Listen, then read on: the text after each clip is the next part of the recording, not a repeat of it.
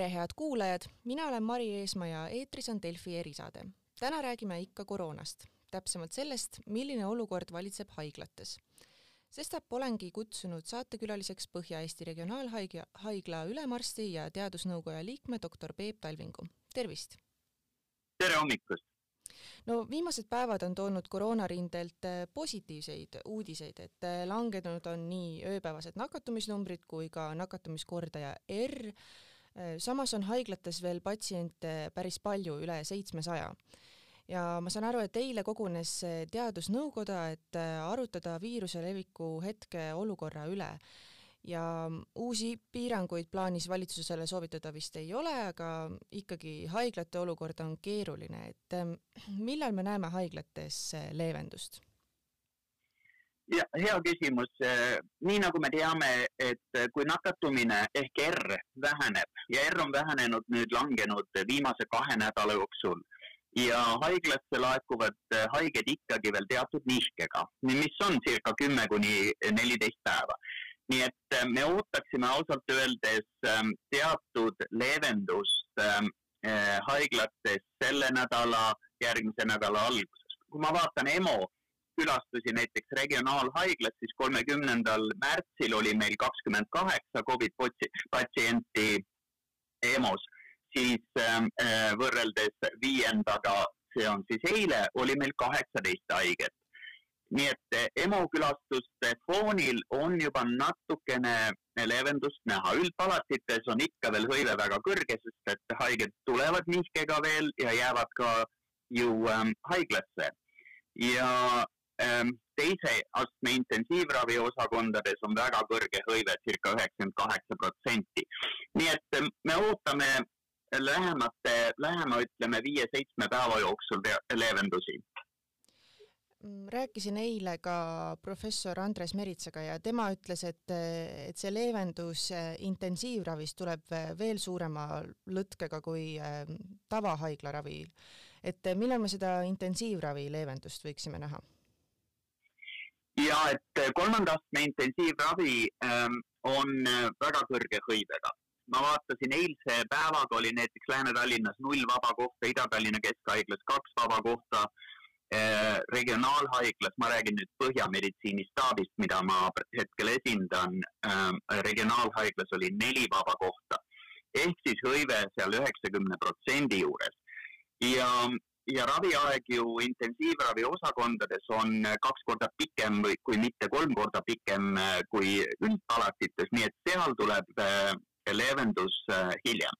ma arvaksin, et see see hakkab vaikselt leevenema lähema kümne päeva jooksul, kui nakkus jääb kenasti allapoole liikuma no mm, pikalt on räägitud ka sellest, et äh, haiglad töötavad meil viimase piiri peal ja te just ise ütlesite ka, et äh, väga vähe kohti on äh, intensiivravis, et et aga mis on siis see haiglate nii-öelda viimane piir, et millal siis see meditsiinisüsteem peaks kokku kukkuma?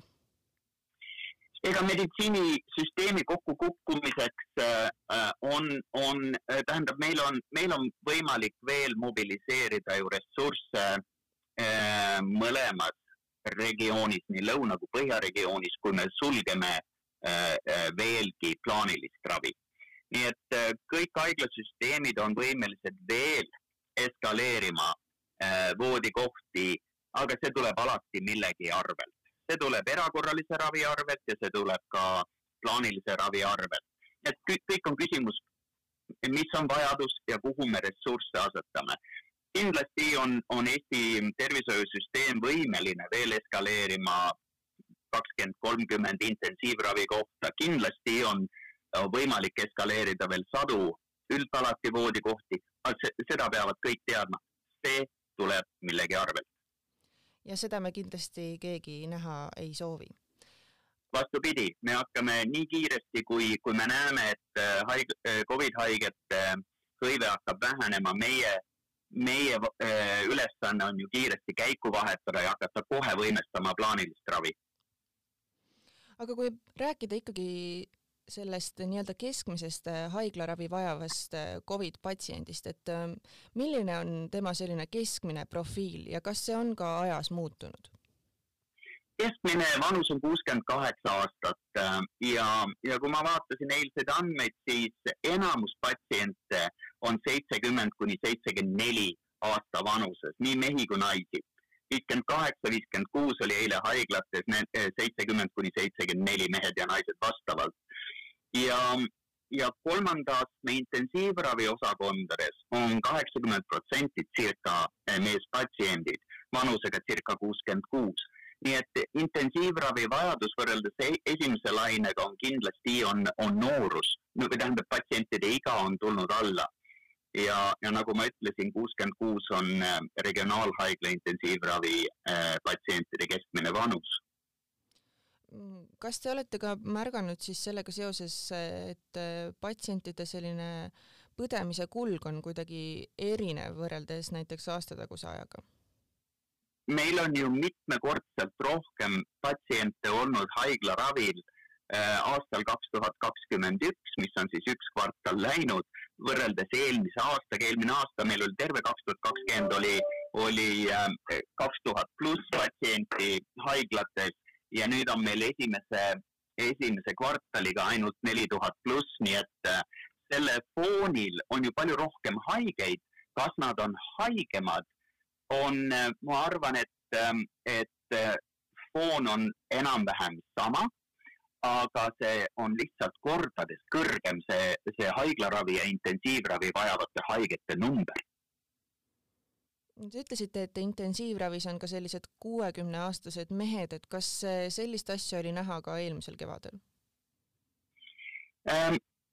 ütleme, et äh, eelmise kevade trendi ähm, ähm, nii palju numbreid jookseb igapäevaselt mööda, nii et ma ei oska praegu täpselt öelda, kas see oli samamoodi eelmine, eelmine laine, aga me teame seda ju kõikide teiste riikide andmetelt, et meeste, ütleme, raske haiglaravi või raske seisund, haiglaravi vajadus ja, ja suremus on meestel kolm korda kõrgem kui naistel ja see on arvatavasti immuunsüsteemi ülesehitusest tingituna naiste CD4 ja CD8 rakke on enam, nad äh, produtseerivad äh, võimsamini antikehasid vastusena haigusele, et seal on arvatavasti see vahe. no rääkides nüüd ikkagi piirangute leevendusest, eh, mida kõik inimesed ju tegelikult ootavad, et eh, kuidas teie haiglajuhina sellist eh, juttu kuulate, et avalikkuses on arutatud võimaluse üle hakata rääkima koolide avamisest, aga ikkagi haiglas on üle seitsmesaja inimese ja samuti sureb iga päev ligi kümme inimest? loomulikult on see see on väga, äh, tähendab ähm, sügava analüüsi koht, millal ja mida avada.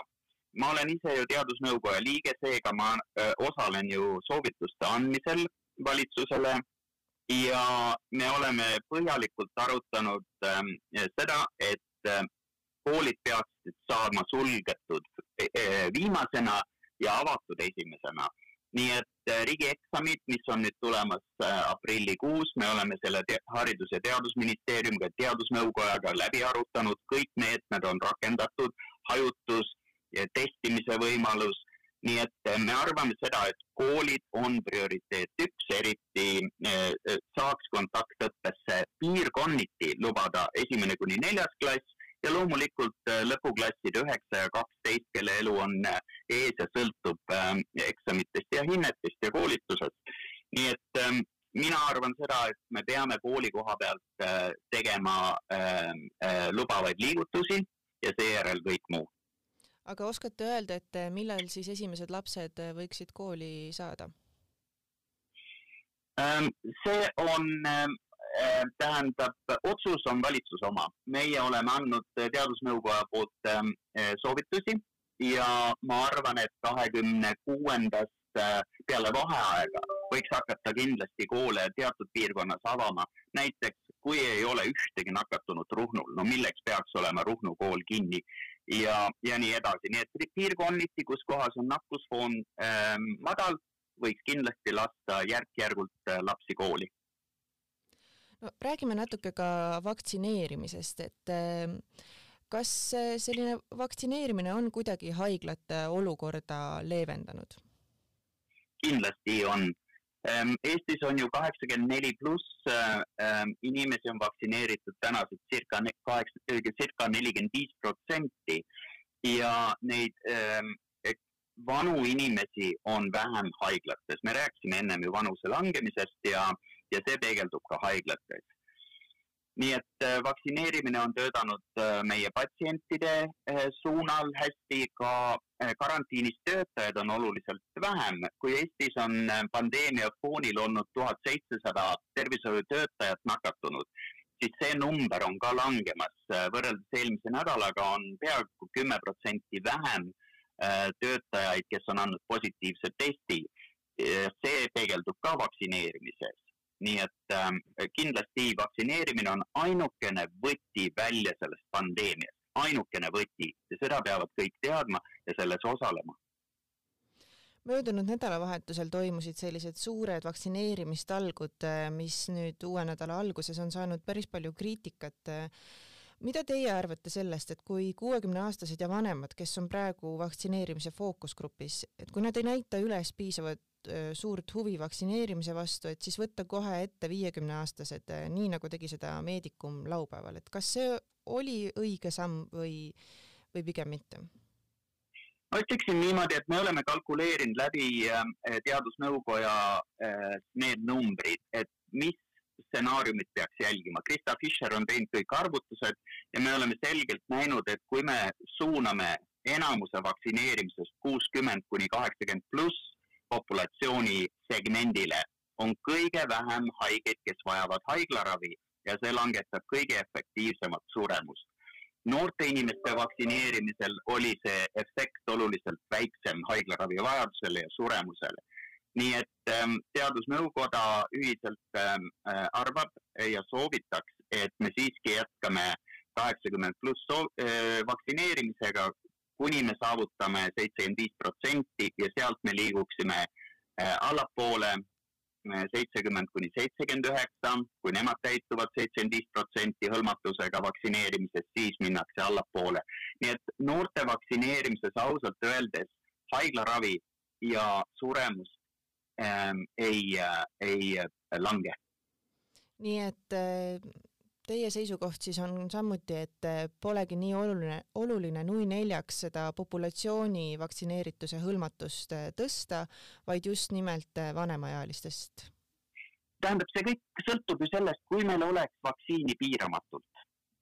Iisrael on väga edukalt vaktsineerinud ära suurema osa oma populatsioonist ja, aga nendel oli ostetud vaktsiini kogu rahvale ja kui meil oleks sama stsenaarium, siis loomulikult kõik on sihtmärk, kõik, kõik inimesed äh, on sihtmärk, aga hetkel me peame seda panustama sinna, kus on kõige efektiivsem äh, äh, see tulem. ja, ja ma täiesti pooldan seda, et kui, kui nooremad inimesed ähm, toovad oma vanemad, riskigrupi patsiendid toovad vaktsineerima, saavad ka ise, seda kasutas ka Iisrael väga edukalt ja, ja nii et kõik inimesed äh, Eestis on, on, tähendab, kellel on äh, näidustus ja, ja, ja, ähm, ja tähendab, äh, on vaktsineeri-, vaktsiine saab anda. Ähm, meil on ju vanuseline piir, lastele praegu vaktsiine ei ole, on tulemas, ma tean, et Pfizer teeb uuringuid, et saaks ka anda kuueteist aastast, aastastele ja sealt edasi, aga praegu on vanemad inimesed ehk täiskasvanud ja vanemad inimesed. nii et ähm, tooge oma vanemad, toetage neid, et nad tuleksid vaktsineerima ja me saame kõige kiiremini seljatada selle probleemi. aga kuidas teile tundub, kas edaspidi hakkabki olema nii, et eh, samamoodi nagu gripivaktsiini peame hakkama ka, ka seda koroonavaktsiini igal hooajal süstima? seda näitab aeg, sest et vaktsiinid on ju meil ähm, äh, kolmanda faasi uuringutes ja need uuringud lähevad edasi, Eh, kindlasti need teadlased jälgivad, kui pikalt antikehad ja rakuimmuunsus, see ei ole mitte ainult antikehade mõõtmine numbris, aga ka rakuline immuunsus, mis annab, mis tagab kaitsetuse ja immuunsuse. nii et eh, eks aeg näitab seda, kas on vaja lisada eh, kolmas doos, see on logistiliselt väga suur väljakutse, uus doos korraldada populatsioonipõhiselt. ja, ja seda me täna ei tea aga me väga loodame, et, et, et antikehad ja rakuimmuunsus püsib kauem. Ja lõpetuseks äh, räägitud on ka sellest, et äh, koroonatüsistused jäävad äh, meditsiinisüsteemi koormama ka pärast pandeemia lõppu, et kui tõsine probleem see on? ja kindlasti on probleem, kui vaadata uuringuid, mis on publitseeritud, siis näiteks peale väljakirjutamist kolmekümnendal päeval on seitsmekümnel protsendil haiglaravi vajavatest haigetest on üks sümptom võib mitu sümptomi olla ja kuuskümmend prots-, kuuskümmend päeva peale ravi on kuuekümnel protsendil on mingisugune sümptom. ja kui me vaatame ainult ähm, kaks tuhat kakskümmend üks aastat Eestis ja, ja sealt on, ütleme, neli tuhat inimest juba, mis teeks, ütleme, sellise kuuekümne protsendise mahu ja ja ne, kui nendel on mingi sümptom ja need tavalised sümptomid on ju väsimus, nõrkus, hingeldus ja, ja kui nad vajavad taastusravi, siis see number on ju päris oluline, neli tuhat inimest ainult aastast kaks tuhat kakskümmend üks vajavad süsteemis veel mingisugust järelravi, taastusravi või langetab töövõimekust nende inimeste juures, nii et jaa, kindlasti on äh, sellel mõjud. aga kas selle, selliste natukene kurbade uudiste või kurbade sõnumite lõppu on ka midagi positiivset öelda, et eh, mida positiivset teie sellest kriisist eh, suudate leida? kui üldse Hetk,? hetkel me näeme ju, me loeme iga päev, loeme numbreid ja, ja paistab ju praegu valgus tunneli lõpus. ja, ja kui me kõik nüüd äh, väldime, et me liigume mingil hetkel taas kolmandasse lainesse, siis äh, me saame sellega hakkama.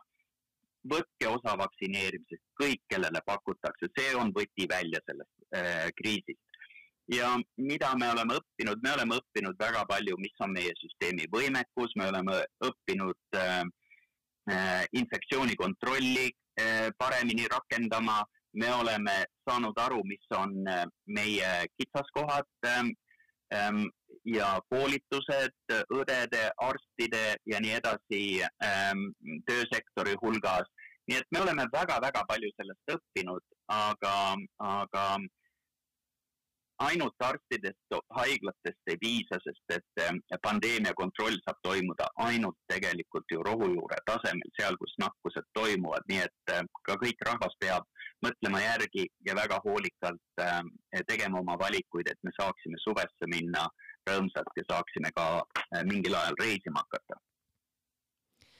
hästi, no selle põhimõtteliselt positiivse noodiga on ikka hea lõpetada. head kuulajad, minuga oli saates doktor Peep Talving ja te kuulasite Delfi erisaadet. aitäh teile ja kuulmiseni! Kuulmiseni ja palju tervist!